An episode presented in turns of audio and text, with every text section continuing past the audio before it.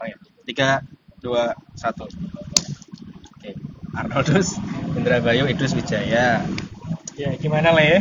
Jadi tuh ini tuh podcastnya tujuannya tuh cuma dua dulu. Yang pertama arsip, Hmm. arsip maksudnya suatu saat nanti bisa tak dengerin lagi. Oh, ya. Buat apa? Buat ya recall lah kenangan atau apa. Hmm. Terus yang kedua tuh ya nanti bakalan emang tak share di Anchor, di Spotify dan teman-temannya untuk ya kalau ada insight Hmm. Yang bisa aku sebarin ya kenapa enggak. Tujuannya tuh cuma dua itu toh. Oh ya. Nah, terus Hmm? nama podcastnya aku belum tahu. Oke. nama podcast- podcastnya belum tahu, tapi nama seriesnya udah tahu. Apa? Namanya tuh FOM, Friends of Mine. Oh iya iya. Jadi aku kayak nemuin teman-temanku uh, yang pernah kenal sama aku Sebenarnya sampai sekarang sih. itu berarti sebenarnya standarnya tuh diary aja ya sebenarnya. Iya, iya. Nah, karena konteksnya adalah friends of mine tadi dan selalu tak, uh, awali dengan dulu pertama kali kita ketemu tuh gimana? Wah, Kamu inget? Kalau Lupa. aku, kalau aku ya tadi di tadi di jalan naik motor ya, aku inget-inget tuh ya kan kita kan satu SMA. Iya. Iya SMA satu kan. Lah, kita kan satu mos, eh satu mos apa? Satu kelas Tiga tahun. tiga tahun bahkan toh jadi kan waktu mos kan kita ya maksudnya sat, dalam satu Dalam masa yang ingatanku ya. Kalau dalam ingatanku tuh eh, aku kenal sama kamu tuh mutual friends-nya dari Kesawa. oke Aku kenal, aku deketnya mungkin karena aku ngeliat Kesawa itu tipenya kayak aku. Kesawa- Ini Kesawa Saputra ya. Iya, iya. Ini bakal ada yang ngomong sama Kesawa juga ya kira-kira. nggak tahu aku udah lama nggak kontak sama bawah Aku ngerasa Kesawa itu one of a kind. Jadi kayak burung yang sama warnanya sama Iya, sama. sama-sama ada sebenarnya ya. ya Kalau Kesawa bener-bener ekstrim sih dia nggak nggak kebanyakan ngomong. Kalau marah juga cuma ngeliatin orang doang. Nah, lah aku sebenarnya innernya itu kayak gitu. Cuman karena waktu itu aku punya eh apa ya kepinginan biasa lah anak-anak SMA umur 15 tahunan itu pingin apa sih? Ya biar lebih dikenal. Dulu 14 kita malah iya loh. 14 bener 95 ya kita Oh, ya. iya kita sudah lima Pak. pengen lebih dikenal ya angan-angan busuk anak SMA Nah, mau nggak mau kita pasang aku pasang persona pakai topeng yang eh, topeng badut lah kalau ngomong. Oh gitu. Tapi aku ngelihat dari sekelas itu yang nggak neko-neko. Terus juga kan kelas kita cupu-cupu loh. Iya cupu-cupu makanya. Di antara yang cupu-cupu ini ada yang paling cupu lah ini. Sesat ya? Oh iya sesat. Sepuluh satu. Enggak kalau diingatanku ya pertama kali kan kalau mas kan kenalan satu-satu lah Hmm. pasti. Hmm. lah yang pas kamu kenalan tuh emang rada nyeleneh terus oh iya. Kamu nggak ingat? Kan dulu kan kita kan ada istilahnya apa sih kakak pembimbing apa gitulah. Hmm, hmm. itu kan mas Insan mbak siapa mbak siapa Nah, di, waktu disuruh Mas Insan atau siapa kenalan kamu maju kan Hmm. kan kita kan dulu pakai kokart yang gede banget Oh, dari iya. kardus kan depan Iya. belakang lah depan tuh kan nama kelas belakang itu apa gitu foto sama seingatku tuh kita suruh nulis satu nama daerah oh iya iya, satu iya. namanya daerah Iya. Lah, karena kamu kan dari Bawen Kota. dari Bawen waktu ditanyain itu kan tulisan kotanya di belakang. Waktu ditanyain waktu kenalan Hmm. Arnoldo Indra Wijaya terus ditanyain dari mana? Kamu tuh bukan nyebutin dari mananya kotanya tapi kamu langsung balik badan. Oh iya, iya. aku Iya. lupa sama senior kayak gitu. Hei lu gak sopan. Gituin kamu. Seingatku tuh itu. Nah, pokoknya setelah itu kita tiga tahun ya Hmm. sekelas. Yang aku inget tuh ada di foto di Facebook juga ya kelas 1 itu yang kacau sih lingkar kita yang dekat itu ada Kesawa, ada Yulia, ada Hmm, Cherry, Cherry. Seto. Seto bener itu ini muka-muka Tata sama Tata, Nabila. Itut Iya itu juga. Itut sama Cindy iya dulu dulu kita seringnya main sama mereka terus eh seringnya eh, apa namanya kumpul terus ke rumahnya Cherry yang Iya. di mana sih daerah Gajah itu aku lupa Iya. namanya. Buat ngeband. Iya, selain itu. Di itu- aspal, aspal. aspal aspal tapi yang paling berkesan tuh yang kamu kan dari luar kota dus ya? Kamu kan ngekos. Hmm. ngekos kan di Mugas Hmm. kau di Mugas Gang SMA 1. Nah, itu pertama kalinya aku punya temen yang ngekos. Pertama kalinya punya teman dari luar kota yang memutuskan untuk sekolah jauh apa ya jauh lah ya jauh dari rumahnya gitu. Untuk konteksnya anak SMA lumayan lah. Nah, itu kenapa kamu memutuskan? Sebenarnya kalau sekarang ini akhir-akhir ini ya aku tuh pikiran lagi. Masa kan orang kadang punya pikiran di umur atau masa berapa umur berapa atau di masa yang mana kita pengen balik dan ingin kayak ngulang ke- keputusan-keputusan yang lalu gitu kan. Oke. Aku pikir aku kalau ditanyain sekarang aku pengen balik ke umur 14 tahun karena kelas 3 SMP apa soalnya di situ kalau ngereset tuh ngereset banyak hal Iya, karena satu, sebenarnya masuk SMA 1 itu bukan pilihanku. Aku mulai dari sebenarnya ya kalau aku lihat lagi dari umur 14 tahun, dari masuk SMA itu banyak hal yang terjadi dalam hidup itu bukan karena pilihanku secara langsung sampai sekarang bahkan. Hmm. Tapi Tapi ya karena waktu itu pilihanku per- yang pertama aku sebenarnya mau masuk SMA itu SMA di Muntilan, asrama. Di Muntilan? Ah, Oke. Tapi waktu itu eh 100 satu angkatan hanya ada 120 orang, 100 laki-laki dan 20 perempuan. Tapi yang daftar ada 9.800 banyak ya dan ya nggak lolos. ya tentu saja Iya. dong di satu kotaku itu yang daftar ada sekitar 50-an orang yang keterima cuma satu laki-laki satu laki-laki Hmm. yang daftar itu Oh, dari itu Ac- sekolah Katolik itu ya? dari Oke, Aceh sampai aku tahu. Papua Iya, kayak tahu tahu tahu. daftar kuliah Iya iya, kan daftar kuliah Iya. benar benar benar. terus nggak lolos karena waktu wawancara ditanyain waktu SMP itu memang aku banyak nggak nggak masuk sekolah karena sakit hampir di SMA pun kebetulan juga sama cuman di SMA itu sakitnya waktu liburan. Sedangkan di SMP itu waktu sekolah biasa. Setiap setengah tahun pasti kena tipes. Ditanyain kenapa? Kok ini nggak masuk banyak? Oh itu tipes. Nanti kalau kamu asrama nggak ada yang nolong yang kamu deh. wah Fing langsung nggak keterima ini jadi Iya, mungkin mungkin gara-gara mungkin itu. salah satunya karena aku ngerasa uj- eh, tiga ujian yang lain tiga, ujian tulisnya ujian akadem, eh, potensi akademik sama ujian fisiknya itu nggak terlalu berat Hmm. buat kondisi waktu saat itu aku waktu saat itu tuh masih serius belajar soalnya Waktu saat itu masih serius Iya. belajar. terus mau masuk di Jogja ada dua pilihan di Jakarta eh, SMA sembari belajar teater buat nantinya masuk ke layar Kamu SMA nggak ikut teater ya? Nggak. SMA nggak?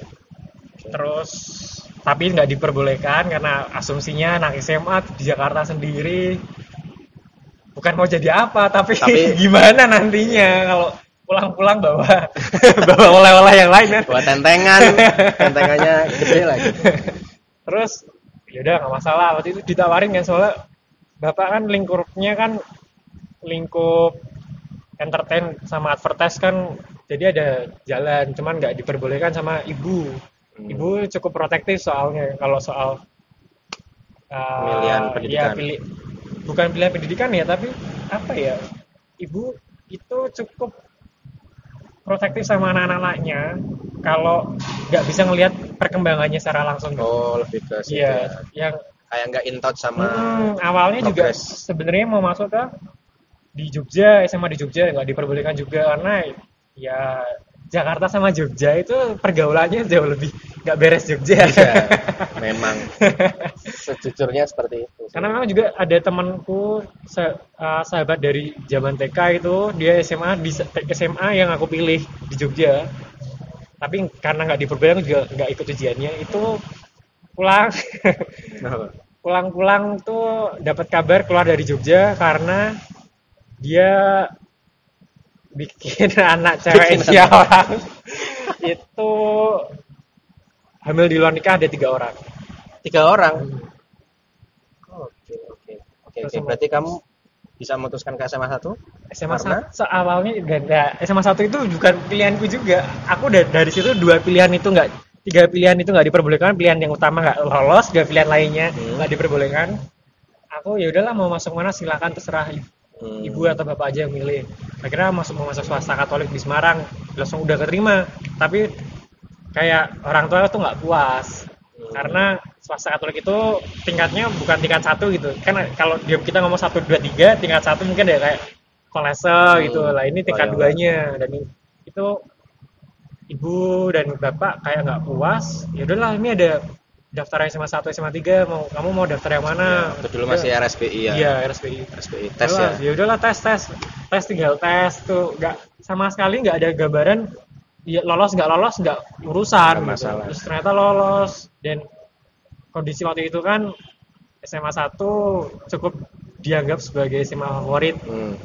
akhirnya yang senang itu orang tua kalau kalau Iya, kalau iya. aku sendiri sebenarnya biasa aja aku karena itu nggak nggak bukan kepinginanku buat masuk ke situ Bukan gitu. ya udahlah masuk akhirnya masuk terus nah aku ngerasa ya banyak pola pikirku paradigmaku terhadap uh, pengambilan keputusan terus Oh, yang sekarang uh, kamu kehidupan sekarang itu pakai banyak ya di jalan. yang di saat ini ya itu banyak berubah dan banyak ditempa itu di SMA 1 itu Nah, kita kan kita kan beririsannya kan cukup banyak. Mungkin Iya. kalau kelas 10 ya biasa aja. Cuman yang lebih lebih Iya. intensnya tuh kita kelas 11, kelas Iya. 12 ya karena kan kita satu organisasi. Hmm.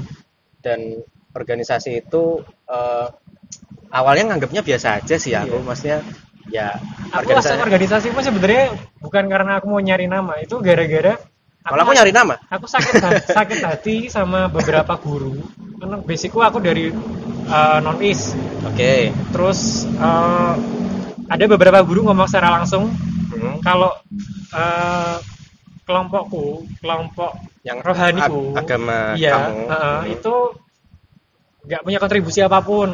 Terhadap terhadap sekolah. nggak punya nama nggak nggak bisa nggak bisa nggak Oh iya, memperlihatkan gitu. ya Aku baru tahu loh kamu. ada dua tiga guru.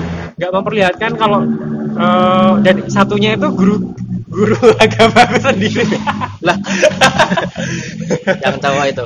iya. Ya, terus akhirnya didorong buat udah kalian masuk ke organisasi. Hmm. terus oh, ya udahlah ya ya ya masuk.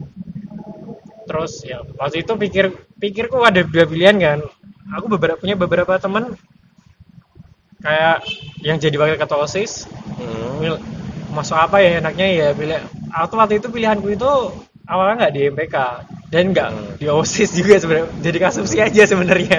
Kasupsi di OSIS. iya di OSIS Oh, iya, kan. ya udah masuk OSIS dilihat jadi kasupsi aja. Kasupsinya dari organisasi rohanimu. ah. Terus tapi pikirku aku ngeliat kok nggak nantang gitu loh.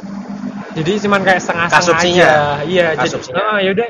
Kayak itu ya udah masuk masuk aja nggak nggak ada apa-apa. Hmm. awalnya pun milih ya udahlah Eh, lihat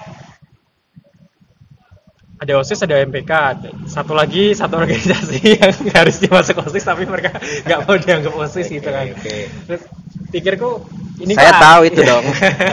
ini kok aneh ya ini ada organisasi yang harusnya itu bisa dianggap sebagai eh, dalam tanda petik seharusnya ya itu penguasa sekolah Hmm. walaupun nggak bidang eksekutifnya bukan pengambilan keputusan Hmm. tapi dia itu yang nge- ngam- yang bisa ngasih masukan untuk eksekutif buat ngambil keputusan. Keputusan.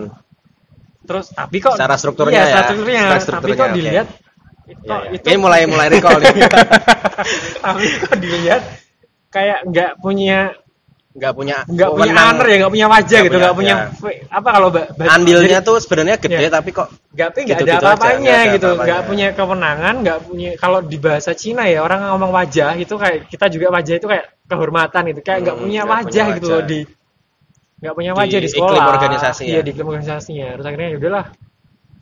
Kalau jadi ya jadi sekalian pikirku kayak gitu. Oh, kalau nggak jadi ya udah nggak jadi sekalian. Akhirnya milih nggak nggak milih masuk. Osis karena waktu itu beberapa aku aku orangnya Ditawari. cukup di titik itu aku cukup idealis.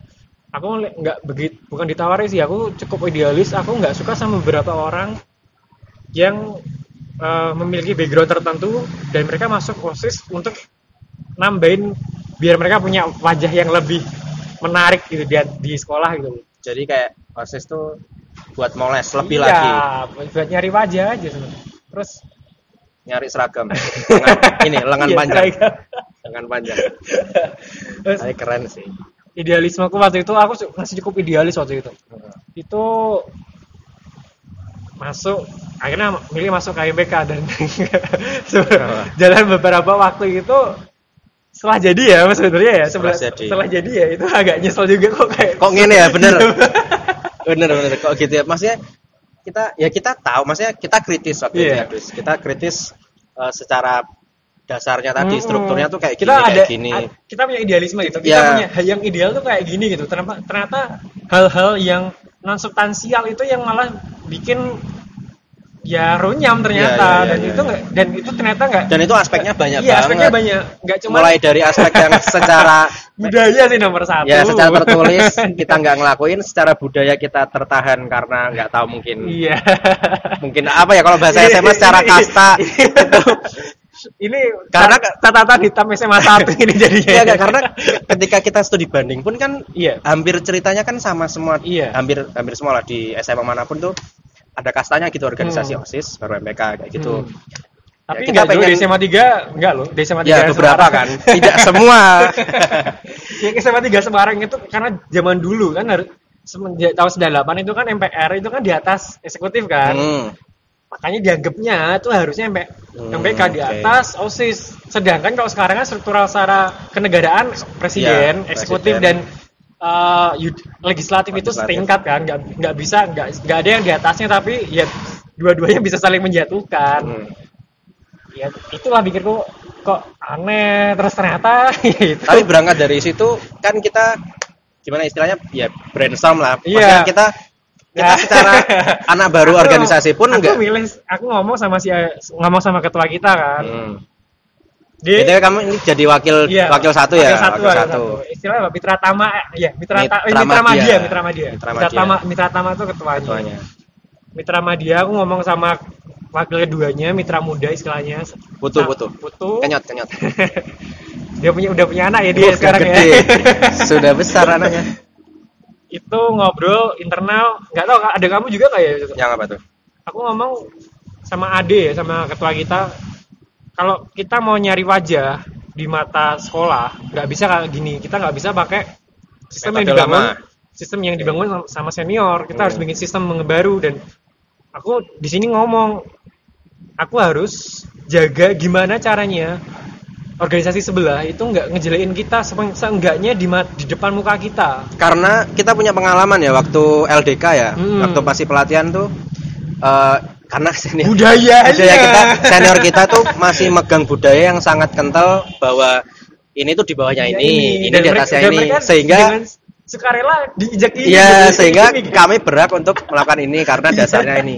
Nah, kita belajar dari situ masa kayak gitu sih. Masa kita Iya. lagi lari-lari apa lagi lari-lari diteriakin ya kayak itu gitulah. kan bener-bener Itu gimana kan gitu udah aneh banget maksudnya konteksnya tuh udah faktornya udah faktor X, Udah, X banget ya, ya, kan. itu itu eh, budaya yang dipupuk itu kayak gitu mentalitasnya dijaga seperti itu makanya Dan kita nggak tahu lah ya awal awalnya dari mana awalnya ya. dia dari mana nggak bisa ngerti. menyalahkan makanya gimana caranya udah yaudah kita bagi aja dua kaki ada dua kaki ada satu wakil dua kenapa nggak dibikin eksternal sama Ya, internal ya, Aku- oke. Mulai Oh, ya. saat itu kita kayak restrukturisasi apa restrukturisasi fungsi ya, Iya. fungsinya secara ini. Karena yang angkatannya dua tahun di atas kita sama atas kita tuh agak gak jelas. Karena di organisasi masih ada masih ada seksi yang sangat spesifik kayak seksi transportasi itu ada di Iya. organisasi. Iya. Ngapain gitu? iya Eh, kan karena fungsinya terus kita gantilah. Apalagi di adiknya kita kita Iya. lebih total lagi karena restrukturisasi. gini yang jadi pikirku tuh mungkin karena MPK sendiri di SMA 1 waktu itu kan masih organisasi yang masih muda Hmm. dan keorganisasiannya masih ya masih mencari mau bikin struktur Iya, gimana iya. sih orang Akhirnya- ADART aja Nah, masih ada kebingungan antara organizing committee dan steering committee atau struktural sama fungsional akhirnya tugas-tugas yang ada di fungsional pun dimasukkan ke Dimasukkan ke struktural. struktural. padahal ya kayak yang di kalau kita ngomongin di OSIS kita bandingin di OSIS SMA kita sendiri mereka udah ada jabatan struktural ada jabatan fungsional ini oh eh, wakil satu wakil dua wakil tiga itu mereka punya tugas apa apa apa gitu punya jabatan fungsional seba- sebagai apa strukturalnya seperti apa. Hmm. nah kita ngarah akhirnya ngarah ke sana. Kita pikir ya udahlah bikin aja internal dan eksternal karena internal juga harus dibangun tapi kita juga harus nyari wajah juga di luar kan waktu itu. Terus ham, gimana waktu itu pikirku ya gimana caranya aku biar bisa mepet terus. Kebetulan kan karena aku juga ngekos aku nggak waktu spare waktu aku di luar sekolah itu luas gitu Nggak iya, oke. harus dijaga di kan kadang ada beberapa orang tua kan kalau udah pulang ke rumah nggak boleh keluar gitu kan Hmm. walaupun anak SMA nih udah Kalau kamu free ya. ya free nggak ada yang nahan akhirnya ya udah kelas 2 itu penuh aku, aku ngerasa gimana ya ada sampai ungkapan itu eh, teman-teman osis ngomong kamu tuh anak MPK yang eh kan anak osis yang salah jalur Oh, gitu iya, gitu iya, oke, oke. udahlah masuk masuk osis aja nanti jadi 19 Nah, itu salah. Salah satu efek budayanya masih kayak gitu. Iya. Masih masih menganggap bahwa yang aktif-aktif tuh cuman di Mm-mm, OSIS gitu dan, loh. dan aku jadi secara nggak sadar jadi kebauan sama apa yang aku nggak suka di awal gitu Hmm, orang aku jadi ngerasa kayak ya cuman buat nyari nama sama nyari muka Oke, aja Iya, iya makanya Terus esensinya kan. akhir- iya dan ya Tapi yang yang hebat itu kita dari awal bisa kayak apa ya? dalam satu tahun ya bisa ya ngerapihin lagi gitu loh. Kita tuh orientasinya tuh apa, esensinya tuh apa. Eh, selain kita jalan di internal, kita juga harus bangun Iya. ke eksternal, misalnya eh, apa? Kita bener-bener, aku ingat banget dulu tuh kita bener-bener apa ya sebel sama kamu ya karena karena ini kok idus kok di luar terus Yang- maksudnya yang, yang tahu tuh kayaknya cuman Ade deh aku ngomong sama Ade soalnya aku nggak tahu aku ngomong sama Ade sama Putu cuman nggak ngerti Putu pun karena mungkin lagi ini kita punya proker kamu kok nggak Iya, karena dan setelah itu kan kita baru paham bahwa ini ada martir nih yang harus dikorbankan demi nama organisasi gitu Iya. kan. Tapi ya sejauh ini jalannya bagus juga. Maksudnya Putu kan juga kuat juga di Iya. internal. Untungnya, untungnya juga kuat. Jadi kamu di eksternal pun ya masih internalnya masih terjaga lah. Gitu. Situ aku- Tapi Hmm. yang efek dari itu benar-benar apa ya? Emang sih kayak kamu bilang juga eh, efek dari itu pengambilan apa cara berpikir, pengambilan keputusan Hmm, itu karena itu berdasarkan eh, experience banget. selama kita tiga hampir tiga bulan kita diinjek-injek sama senior ya nggak cuma senior kita sendiri tapi sama senior dari organisasi yang lain itu ngerasa kayak ya alah aku pernah diinjek-injek kalau mau eh, diumpamakan itu aku pernah diinjek-injek mukaku sama senior bahkan secara harafiah aku umur ludah senior Oh Dan iya. teman-teman juga gitu Eits, di sensor enggak enggak. lanjut lanjut. jadi kalau ket- ketemu sama eh, nggak tahu aku aku ngerasa dia, ludah, ya aku Allah. di- aku ngerasa Jijik. awalnya aku di, dikerjain ya sama teman-teman osis tuh mereka selalu ngasih cuman dua jabatan semenjak aku deket sama osis buat eh, ngawasin mereka aku selalu kalau nggak dikasih di danus di sponsor Oh iya, maksudnya gini ya, karena kan dulu kan waktu masanya senior kita dan Hmm. atas-atasnya tuh ketika OSIS ada proker yang mana emang banyak banget kan prokernya Hmm. OSIS. Itu MPK sangat minim dilibatkan. Hmm. Bahkan dalam satu proyek yang besar pun cuma Hmm. satu dua orang, sisanya nggak tahu mungkin Hmm. runner mungkin apa. Dan kita pengen ngubah itu Hmm. ketika di angkatannya kita dan Hmm. efeknya ketika kamu menginjakkan salah satu kakimu di eksternal banyak slot yang bisa diisi oleh MPK gitu ya, maksudnya Iya. di, di karena aku pun juga ikut Hmm. dulu dulu nggak ada apa panitia orang MPK yang masuk panitia sekarang banyak Iya. slot-slot gitu. Salah satu efeknya Eh, yang aku nggak ngerti tuh kenapa selalu aku masih ingat semua dari eh, program program kerja osis yang besar itu aku selalu ditempatkan kalau nggak di dana usaha ya di sponsor dan itu tanggung jawab yang salah satu tanggung jawab paling besar kan kalau di cari duit kan. nggak ada duit ya aku orang pangan ya. Nggak ada duit nggak jalan kan soalnya. Ya akhirnya ya tapi justru itu sih yang bikin aku jadi sekarang pun gimana cara menempatkan diri dengan siapa yang kita hadapin gitu. Dengan pa- partner bisnis kah dengan teman kah dengan kolega satu kantor atau kok ya teman main biasa kita gimana cara menempatkan diri? Dari situ eh, gimana ya cara bicara yang tepat ya? Aku ngerasa aku makin kalkulatif dalam bersosialisasi. Hmm. kalkulatifnya bukan dalam artian scamming ah ini harus gua deketin orang itu biar gini. Enggak tapi gimana cara menempatkan diri yang paling tepat?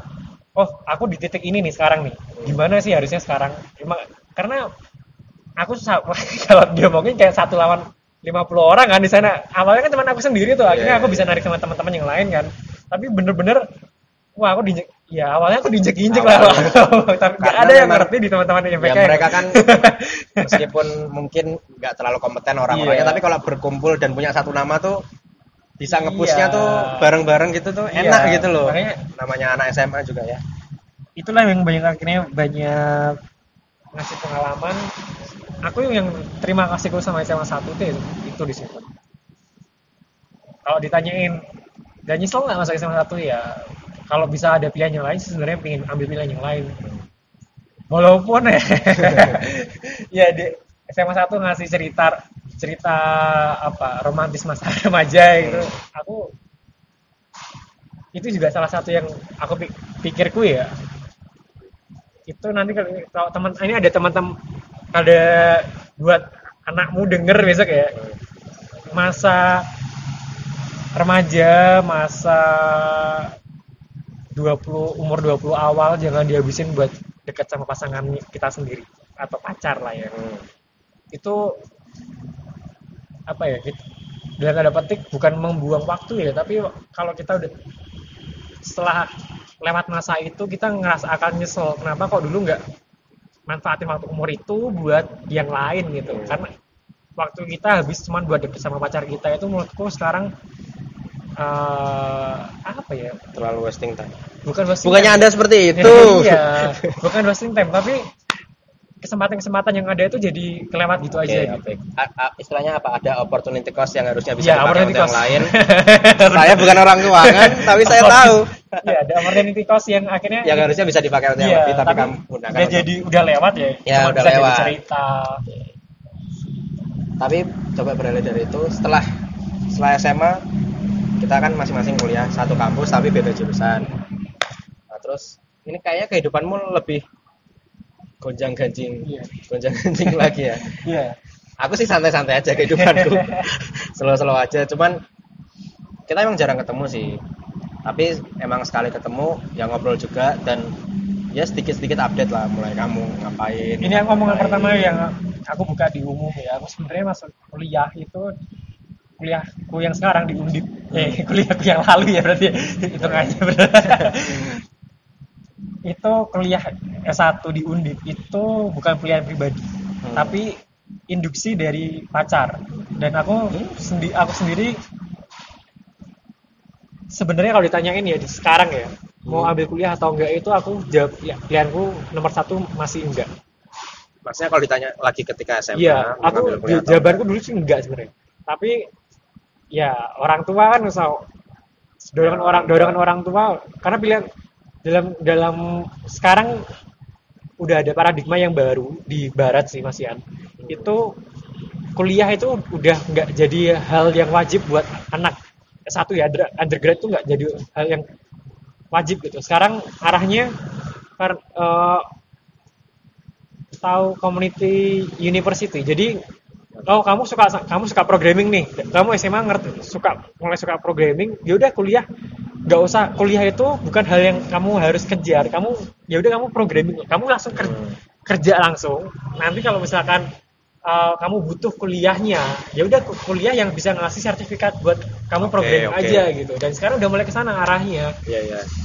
Karena emang di di dunia kerja tuh sertifikat tuh penting banget ya Iya. maksudnya kita yang praktisnya karena setelah masuk banyak pilihanku ya aku mikir aku masuk di kuliah itu eh, apa yang aku ekspektasiin sama apa yang aku dapat itu kesenjangannya Masih cukup jauh. jauh. Aku ngomong- aku pikirku di kuliah aku bakal bisa gini gini gini ternyata tapi saya beruntung banget maksudnya orang-orang yang dari SMA anak-anak tuh udah yang udah tahu mau ke mana tuh Iya. beruntung banget karena aku pun sendiri nggak tahu Iya. harus ke mana karena orientasiku saat itu ketika lulus SMA kan nyari kalau, kalau konteksku ya Hmm. konteksku nyari kampus yang uh, kerjasama dengan sebuah perusahaan sehingga ketika lulus langsung kerja alias orientasinya adalah uang Iya. karena aku butuh uang saat Iya. itu nah tapi nggak nggak sedikit gitu anak-anak SMA yang mau jadi apa nih nggak tahu karena semua waktu SMA dipelajarin semua dan Iya. ketika dipelajarin semua ya bisanya dikit-dikit lah maksudnya Iya.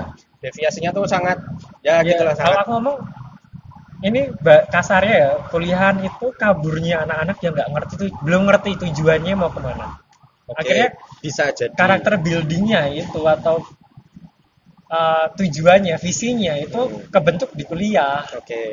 Iya benar juga. ya banyak sih titik-titik balik hidup yang ada di kuliah sebenarnya ya salah satunya yang bangkrut juga itu aku salah satu yang sampai sekarang masih jadi Dulu ya kamu jualan apa? oh itu itu Bukan, malah bukan, bukan itu. jualan jual aku Sebelum. bikin kafe kedai es krim itu aku bikin bakul es krim itu justru pengalih perhatian dan itu titik eh, tempat untuk aku dan timku kabur dari masalah Oke. Dan Kan- masalahnya? masalahnya itu sebenarnya kita ketipu ki- kita mau bikin perusahaan Oh dulu sebelumnya udah pernah. iya kita bikin perusahaan penyalur keuangan tapi partner kita yang tanda petik lebih berpengalaman itu ternyata penipu yang con artis lah. Dia penipu yang udah cukup punya banyak korban. Kita nggak ngerti. Hmm.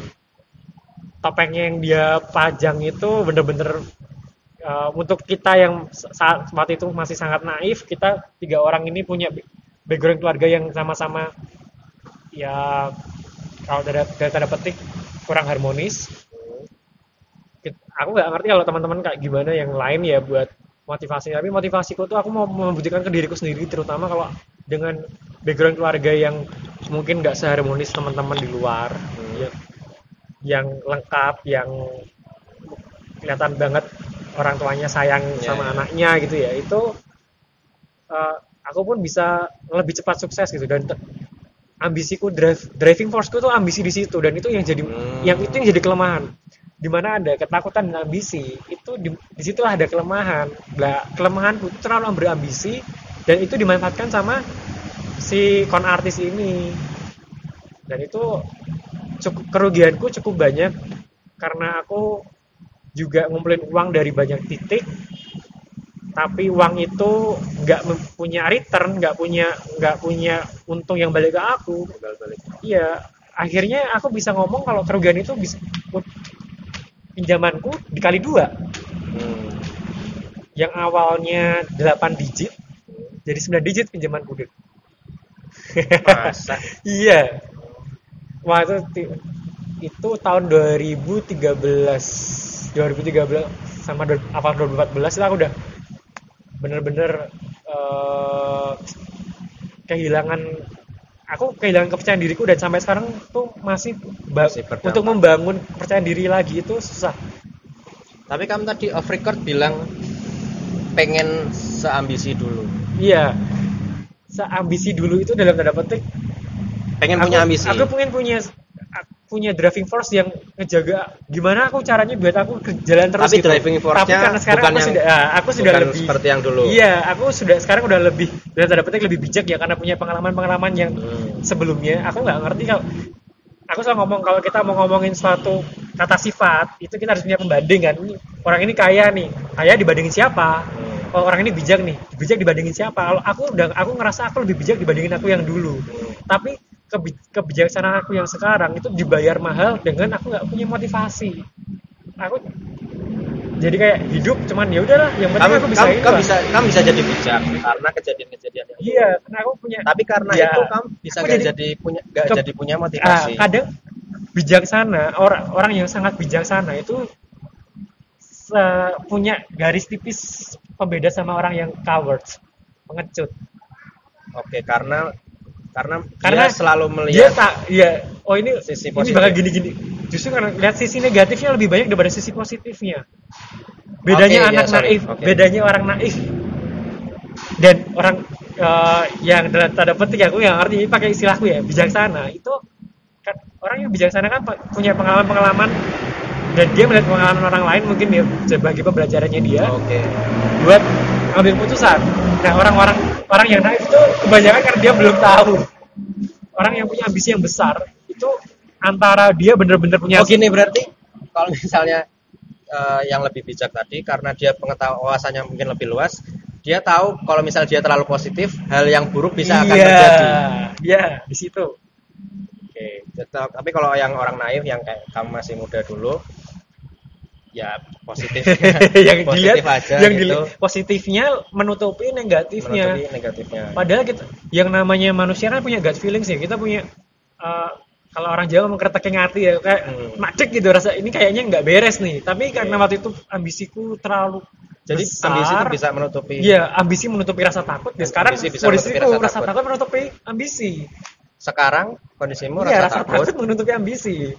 Oke, oke, oke. Sekarang konteksnya rasa takut ini. Berarti gini, berarti kita tuh, aku pernah baca ya dulu tuh ada sebuah artikel nggak tahu siapa lupa yang nulis.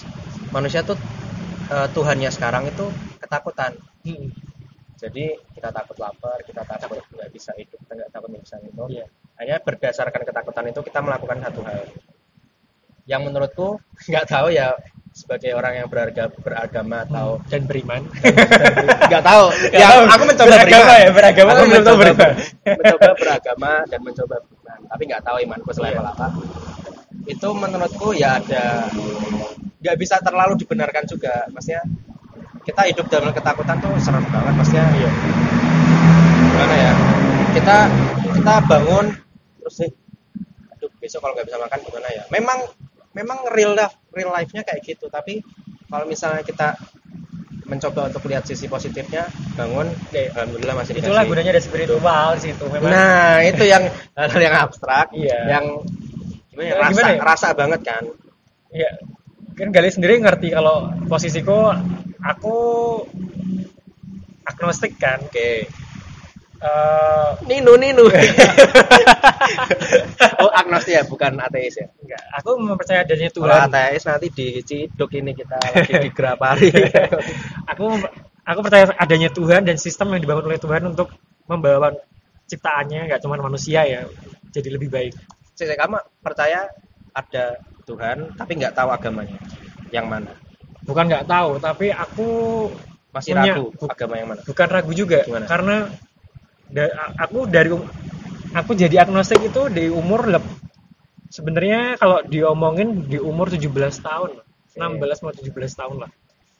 Aku punya rasa penasaran yang tinggi kan aku suka belajar agama-agama lain ke pemimpin-pemimpin agama yang lain.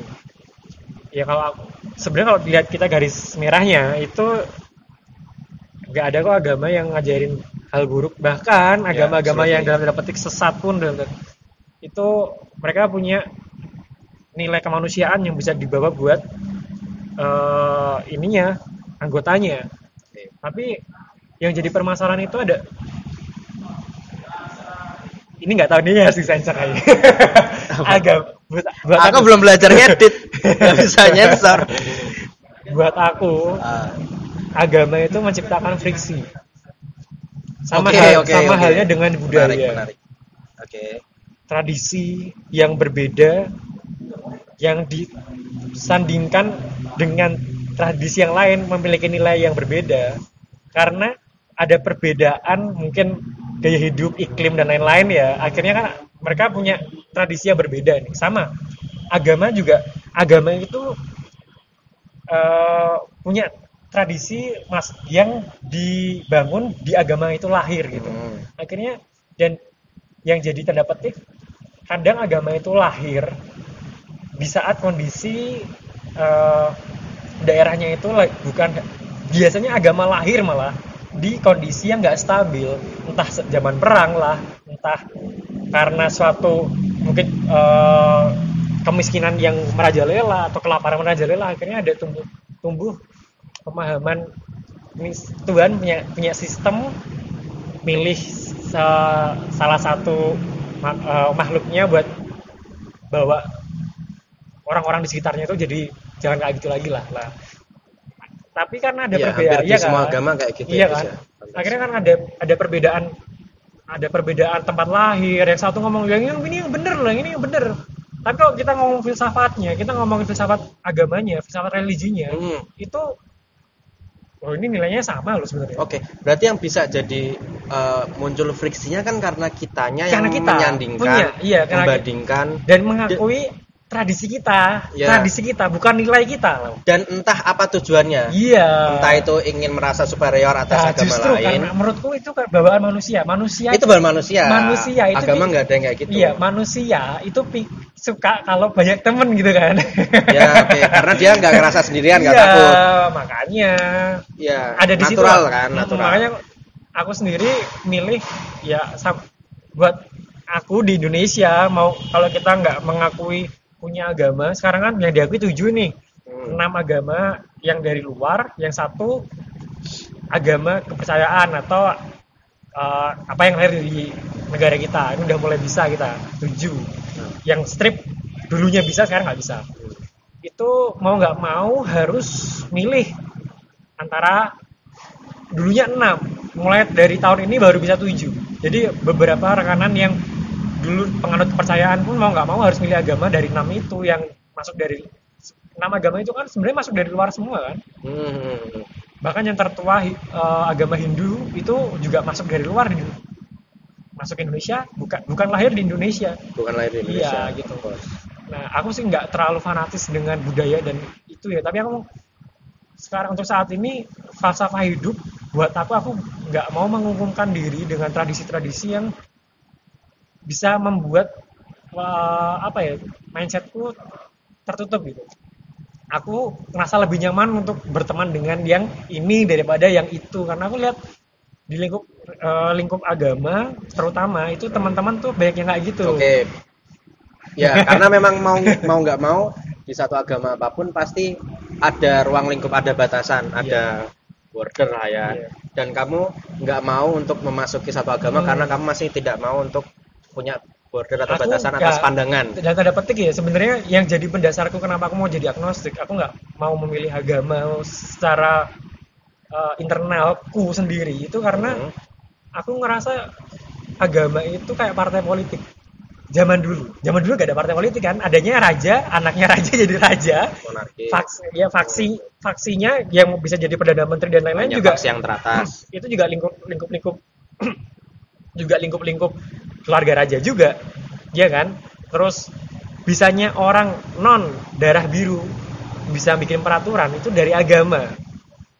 Oke. Salah satunya itu itu salah satu yang jadi eh, karena aku lihat semua nggak hampir semua tapi semua agama itu punya titik kelamnya. Bahkan agama yang aku anu sekarang itu banyak di tahun 1200 sampai 1700-an itu titik bener-bener titik kelamnya agama sama partai politik itu untuk saat ini nggak bisa dibedakan karena eh, apalagi zaman dulu yang informasi itu masih sangat terbatas ya sebarannya apa yang diomongin sama kepemimpinan agama itu jadi kayak apa yang diomongin sama Tuhan gitu. Ini harus ke sana ini. Wah, rajanya juga raja penganut agama apa? Dan rakyatnya harus menganut aga- agama itu juga lah itulah salah satunya. Ini cukup ini ya kalau ini dibuka umum. Ini cukup ini cukup itu ya. Karena aku dulu sempat debat juga sama beberapa eh, rekanan yang suka belajar agama dan filsafat. Ya hampir eh, apa yang aku sampaikan hampir buat aku dipukul secara fisik sama orang lain Oh, gitu. Iya. karena eh, teman-teman yang waktu itu aku ajak diskusi diskusi itu ngerasa kayak mereka kayak direndahkan padahal aku nggak aku nggak ngomong agama apa pun dan aku ngeliat semua agama kayak gitu zaman dulu oh terus sekarang karena udah ada partai ya agama memang harusnya membawa nilai-nilai humanis yang bisa membawa manusia jadi lebih baik lah Iya. asumsinya tapi masih banyak juga permasalahan dunia yang ditimbulkan oleh agama itu yang jadi permasalahan dunia yang ditimbulkan oleh iya agama. karena fri- karena pingin diakui Oleh sebagai manusia yang manusia yang pingin untuk mengikuti ya agama. benar. Oke ya terima kasih editorialnya ya. Di di lapangan. Nah kayak gitulah. Itu yang jadi aku aku ngerasa agama apa pun saat untuk saat ini tuh nggak nggak ada bedanya. Yang penting kitanya sendiri tuh mau gimana gitu. Dan aku juga masih hidup lingkup di keluarga yang cukup apa dan tanda petik konservatif dalam agamaku. Oke. Akhirnya aku ya tapi justru enggak. secara de facto aku keluarga pun ngerti aku nggak aku nggak memeluk agama itu gitu. Tapi secara Oke. de jure-nya secara tertulisnya aku Iya, masih, masih karena aku masih menghormati mereka aku hidup hampir wah ini 20 tahun lebih karena mereka gitu kan. Hmm. ya aku kalau tapi justru malah yang kamu bilang keluargamu agak konservatif nggak masalah karena kamu kayak gitu. Ya itu dari umur 2, 16 tahun. 15 16 tahun sampai tahun umur 20 20 21 lah. Baru mereka akhirnya ya udahlah. Yang penting saat sekarang kamu nggak bikin apa namanya masalah Hmm. di orang lain. Dan kamu nggak nggak mengajak orang buat ikut memahami apa yang kamu pahami kayak Iya, ya iya, sebenarnya kayak gitu kan Iya harusnya kayak gitu. Maksudnya, Iya kan? Kalau semua orang punya prinsip kayak gitu tuh kayak damai banget gak sih maksudnya? Karena kalau orang-orang yang mencoba untuk force uh, orang lain untuk ngajak apa ke kita dengan cara-cara karena kan kalau aku ya kalau di agamaku tuh uh, ya tadi lakum dinu kumaladin apa bagimu agamamu ya bagiku agamaku. Dan menurutku itu udah sangat cukup pernyataan yang sudah sangat cukup. Tapi buat orang-orang yang kebanyakan nih yang baru tahu belajar agama. Tahu nggak sih kalau kita lagi belajar ilmu yang dikit malah kita lebih sok-sokan? Kan kayak gitu. Semakin kita mendalami semakin kita tahu bahwa kita banyak nggak tahu. Nah ya sama kayak kata-kata iya, tadi sebenarnya. Nah konteksnya konteksnya sekarang ini karena mungkin efek dari salah satunya efek dari sosial media yang sangat di apa yang sangat masif eh, pembelajaran agama terutama agamaku ya itu jadi semacam komoditi. Jadi nggak ada esensinya gitu loh dus. Jadi kayak cuman nggak sem- semua agama yang ada di mayoritas kayak gitu. Karena nggak yang di- minoritas nggak berani gimana mau nge-challenge kalau misalkan itu berpengaruh langsung sama kehidupan profesionalnya kehidupan sosialnya? Hmm.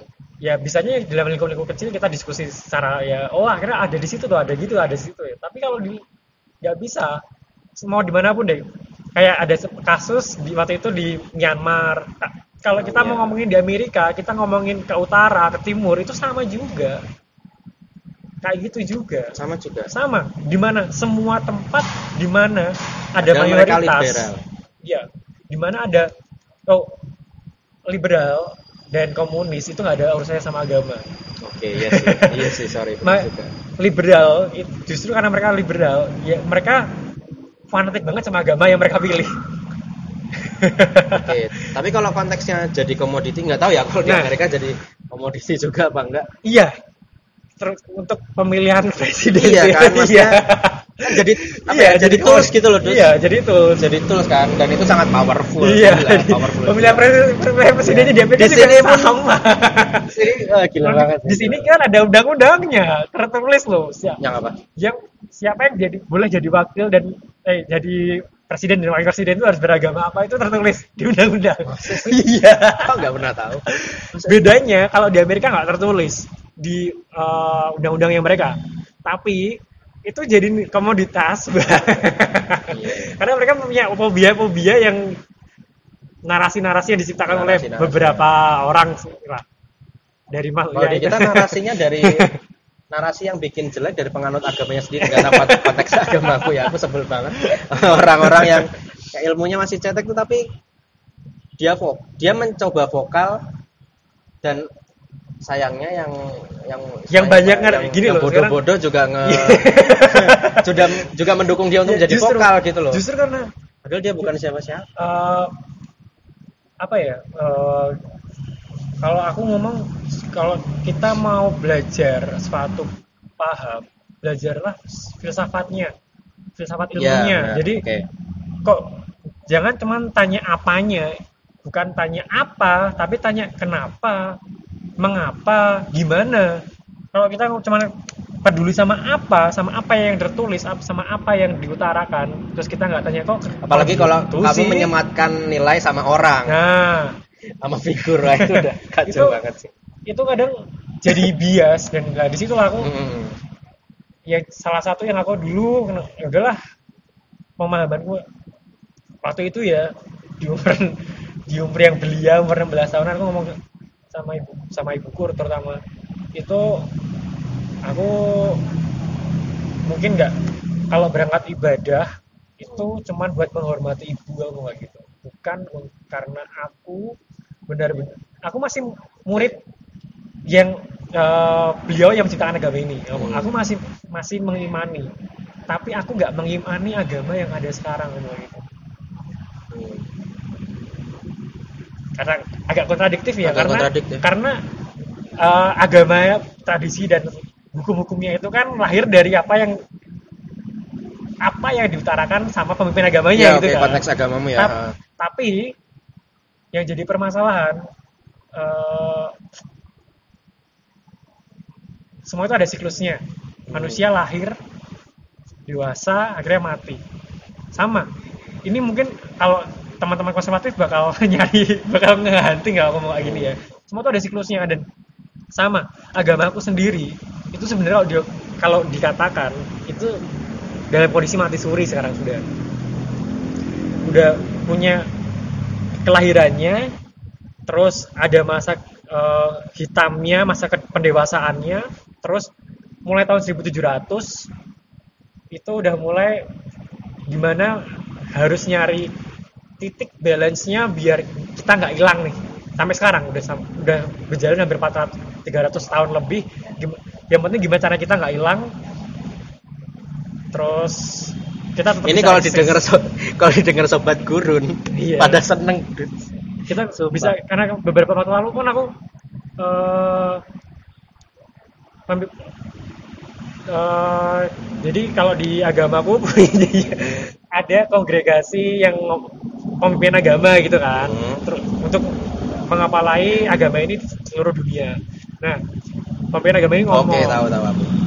pemimpin agama ini akhirnya membuka sa- satu demi satu kasus-kasus yang dulu di- ditutupi sama pemimpin agama yang sebelumnya pemimpin agama yang Kasus-kasus di masa lalu. Banget. Enggak, kasus-kasus belakangan 10 Oh, 10 belakangan. 10 20 tahun belakangan salah Oke. satunya pedofilia, ada kasus eh, biarawan dan biarawati itu harus kan selibat ya, nggak bisa nggak boleh eh, mereka cintanya itu ke Tuhan gitu. Hmm. Jadi nggak ya bisa cinta dan nggak punya punya nggak memiliki nafsu harus membatasi nafsunya Iya, itu iya, sama iya. manusia. Hmm. Cintanya seluruhnya untuk Tuhannya. Nah, tapi kenyataannya itu banyak biarawati yang di- diperkosa dan dipaksa jadi budak seks oleh biarawan dan biarawan yang punya biarawannya siapa? Biarawan yang punya jabatan karena jeleknya nih karena kita uh, punya struktural Ini bahaya banget.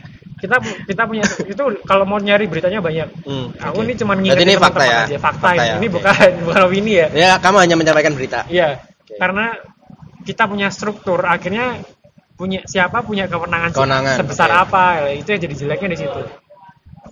Aku pun percaya, ya untuk budaya dan agama lain pun pasti punya titik hitam yang mungkin dipaksa nggak gimana nggak biar nggak kelihatan gitu. Aku sih sa- salut sama pemimpin agamaku yang saat ini ya itu karena mereka karena dia beliau terutama itu uh, berani membuka itu Hmm. Kar- karena Enggak enggak beliau sendiri ugly ya, truth gitu iya, ya. beliau sendiri ini dimusuhi di lingkar di lingkar pemimpin agamanya kar- di pemimpin agama itu karena faksi yang sebelumnya itu banyak yang bermasalah ya. faksi yang jadi pemimpin agama sebelumnya yang Hmm. itu yang mempermasalahkan yang dikatakan wah kamu ini jelek deh nggak kamu nggak pantas jadi pemimpin agama ya gitu gitu gitulah karena membuka ya sekarang beliau sendiri ngomong ini aku punya pikiran yang tadi ngomong mati suri itu eh, ternyata beliau juga punya pemikiran yang sama gitu. Sekarang sekarang gimana? Yang namanya nilai itu nggak berubah. Ya. nilai itu nggak berubah. Tapi keadaan itu berubah. Dan gimana cara kita menerapkan nilai ini? Untuk keadaan yang baru. Kita nggak bisa maksa untuk tetap sama dengan 2000 tahun yang lalu. Nilainya sama. Tapi gimana caranya biar ada sekarang yang orang kan punya falsafah hidup kan nggak cuma dari agama sekarang apalagi ada internet nih. Bahkan ada yang memuja Google. Dan muja kaleng kerupuk. input informasi itu sangat banyak dan kita nggak bisa kita memaksa kayak zaman dulu ya ini kan kamu harus kayak gini kita sekarang ini ada ini. Ini yang ini nilai yang positif yang bisa kamu uh, kamu adopsi buat hidup kamu. Sekarang kita pemimpin agama aku pun punya pemikiran yang sama seperti seperti aku kayak gitu loh ya, aku mikir ya udahlah ya kalau aku aku nggak nyamannya di lingkup agama itu kan kefanatikan itu sendiri sebenarnya. Aku- Dulu aku sempat juga, Iya. aku punya, aku pernah ngalami fanatik agama. Ya, kamu dulu sempat fanatik. fa- Aku juga pernah ngalamin fanatik gak agama. Aku ngera- ngerasa orang beragama itu buruk gitu. Aku pernah ngalamin di titik itu. Dan sekarang aku udah di posisi yang orang nggak punya nggak beragama, orang yang beragama itu udah gak ada beda. Yang penting dia punya nilai apa sih yang bisa dia bawa buat hidupnya? Udah di situ aja lah. Mau agama agamamu apa? Nggak aku nggak bakal tanya. Yang penting kamu bisa kamu tuh bisa bawa value apa buat hidup? Yang di hidupmu tuh kamu bawa value apa buat orang-orang yang atau orang makhluk lain yang bisa kamu aku pernah pernah baca tapi nggak tahu ini terlalu terlalu frontal apa enggak ya tapi aku pernah baca eh, salah satu buku ada penulis ya nggak perlu sebut sih Hmm. itu cerita dia bermimpi bertemu Rasulullah Hmm. Muhammad Sallallahu Alaihi Wasallam itu ditanya sama Rasulullah eh, ditanya sama dia sama beliau Hmm. apa yang lebih tinggi dari iman terus si orang yang mimpi ini nggak tahu terus Rasulullah jawab ihsan. Ihsan itu kebaikan. Jadi nggak tahu ya ini benar apa enggak tapi kalau diceritanya itu eh, bagaimana kita berlaku kepada manusia kepada eh, semesta alam itu lebih penting dari keimanan kita sendiri. Aku tahu ini agak frontal apalagi menyebut Rasulullah. Tapi eh, bisa jadi ada benarnya. Ada benarnya ya bisa jadi aku salah juga. Tapi kalau menurutku di agamaku se- sendiri itu untuk pemahaman saat ini. Untuk pemahaman saat ini eh, agama terutama agamaku konteksnya agamaku ya itu seperti menyingkirkan duri di tengah jalan. Maksudnya apa? Maksudnya menyingkirkan duri di tengah jalan. Pertama kita eh, menolong atau membersihkan masalah. Terus yang kedua di jalan itu yang lewat siapa sih? Yang lewat kan nggak cuma orang Islam nggak cuma orang dari agamaku. Semua orang lewat. Terus apakah kita membersihkan duri itu hanya karena oh ini ada orang Islam yang lewat. Kan enggak. Kita membersihkan duri itu karena semua orang lewat. Semua orang punya hak yang sama. Semua orang sama. Iya. Dan kalau kita membantu ya kita nggak perlulah memar- mempermasalahkan tentang apa agamanya iya iya. Balik lagi kan cinta kasih ke sesama kayak cinta kasih kemanusiaan. Ya itulah. Sebenarnya semua agama bahkan yang didapatkan disesatkan oleh uh, Iya. kelompok-kelompok tertentu itu kalau pakai bahasa Jawa ya hama mayu hayune bawono itu tujuan manusia tuh ikut mempercantik uh, dunia. Dan dunia itu. Gimana cara kita mempercantik dunia? Ya kita percantik diri kita sendiri dulu gitu. Tapi orang selalu lebih suka melihat baju, pakaian orang lain daripada melihat apa yang dia kenakan. Dan kalau misalnya kita ngelihat orang tuh apakah yang kelihatan secara langsung itu spiritualnya mereka? Kan Nah. enggak yang kelihatan kan manusia apa yang tiga topeng nih? gimana kita berlakunya Iya, kan? manusia apa yang ingin diperlihatkan kepada orang? Oke. apa yang diperlihatkan kepada orang terdekatnya? Dan topeng yang Saat dia sendiri. dia sendiri ya. Itulah tanpa mengesampingkan eh, apa kan, ritual ya maksudnya Iya. kan agama kan juga ada Iya. ritualnya tapi kan juga ritual itu bagaimana kan berlaku kan ya, juga gini masuk dari ngomong- agama kan kalau ada eh, di istilah bahasa Jawa itu ada agama agama yang aji gitu orang agama itu pakaian Hmm. pakaian mana yang paling kamu nyaman pakai ya pakailah gitu loh nah yang penting kamu nggak telanjang situ kalau telanjang itu nilai kita ya itu kan nggak etis gitulah ya. Ya sama. Kamu kamu mau pakai falsafah hidup mana yang kamu kamu paling kamu nyaman lah. Hatimu yang paling kamu nyaman ya udahlah di situ yang kamu peluk kamu tumbuhkan kamu pupuk ya kamu kembangkan lah di situ. Nah untuk saat ini aku masih belum, punya belum memilih sih mana yang aku ini bener-bener aku perlu. Karena aku masih punya persepsi yang ya tadi di sana. Karena kalau aku kalau aku udah ngomong aku mau agama tertentu aku aku punya janji dengan diriku sendiri buat aku tuh ikutin ritualnya. Dan sedangkan aku nggak begitu suka dengan ritual apa pun. Aku sempat dekat dengan budaya.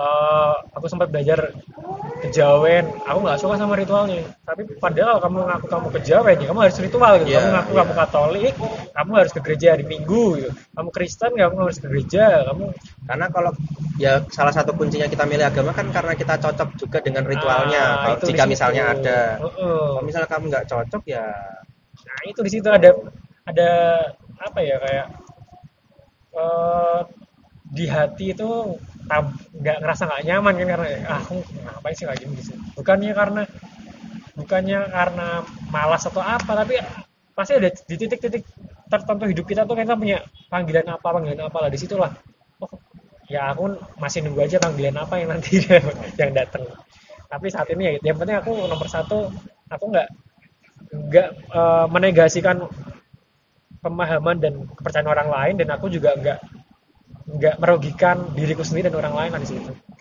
Salah ngomongin agak Menarik banget, panjang. Cukup panjang banget ya.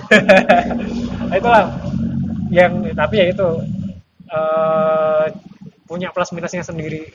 Ya, semua. semua.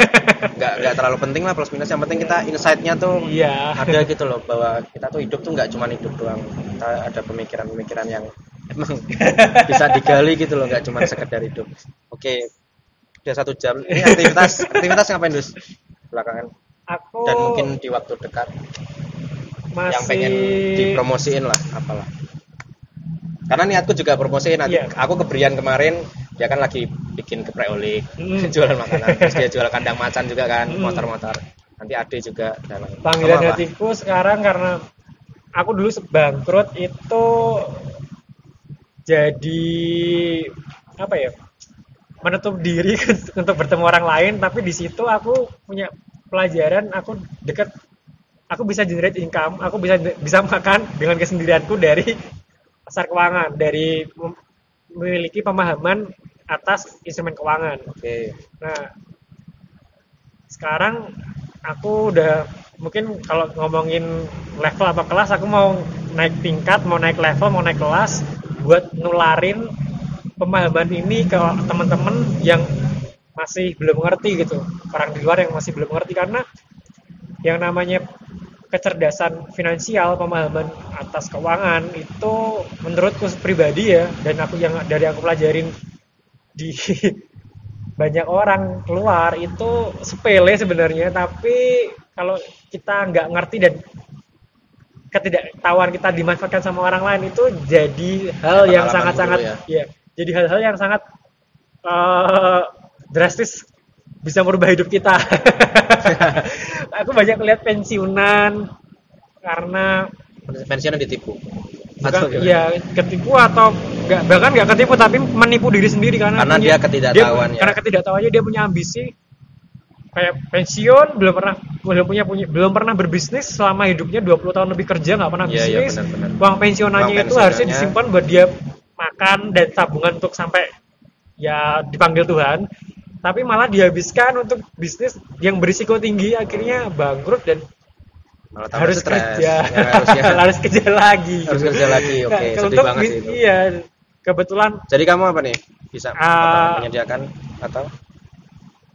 Is- profesi formalnya itu penasihat keuangan. Penasihat keuangan. Peluang- sebutannya apa penasihat keuangan? Hah? Pas sebutannya Sebenarnya financial finan- planner financial bukan? planner ya financial Hmm. planner tapi aku, aku nggak hanya untuk planning aja aku ya jadi penasehat bener-bener aku yang aku provide service itu aku jadi temen buat kamu buat nanti kamu keluargamu anakmu bahkan cucumu gitu itu di sana karena ya itu yang namanya uang itu ya kita bisa hidup tanpa uang tapi kalau ada uang hidup kita bisa lebih nyaman. Nyaman. gitu. Jadi kamu ini apa open publik udah atau gimana?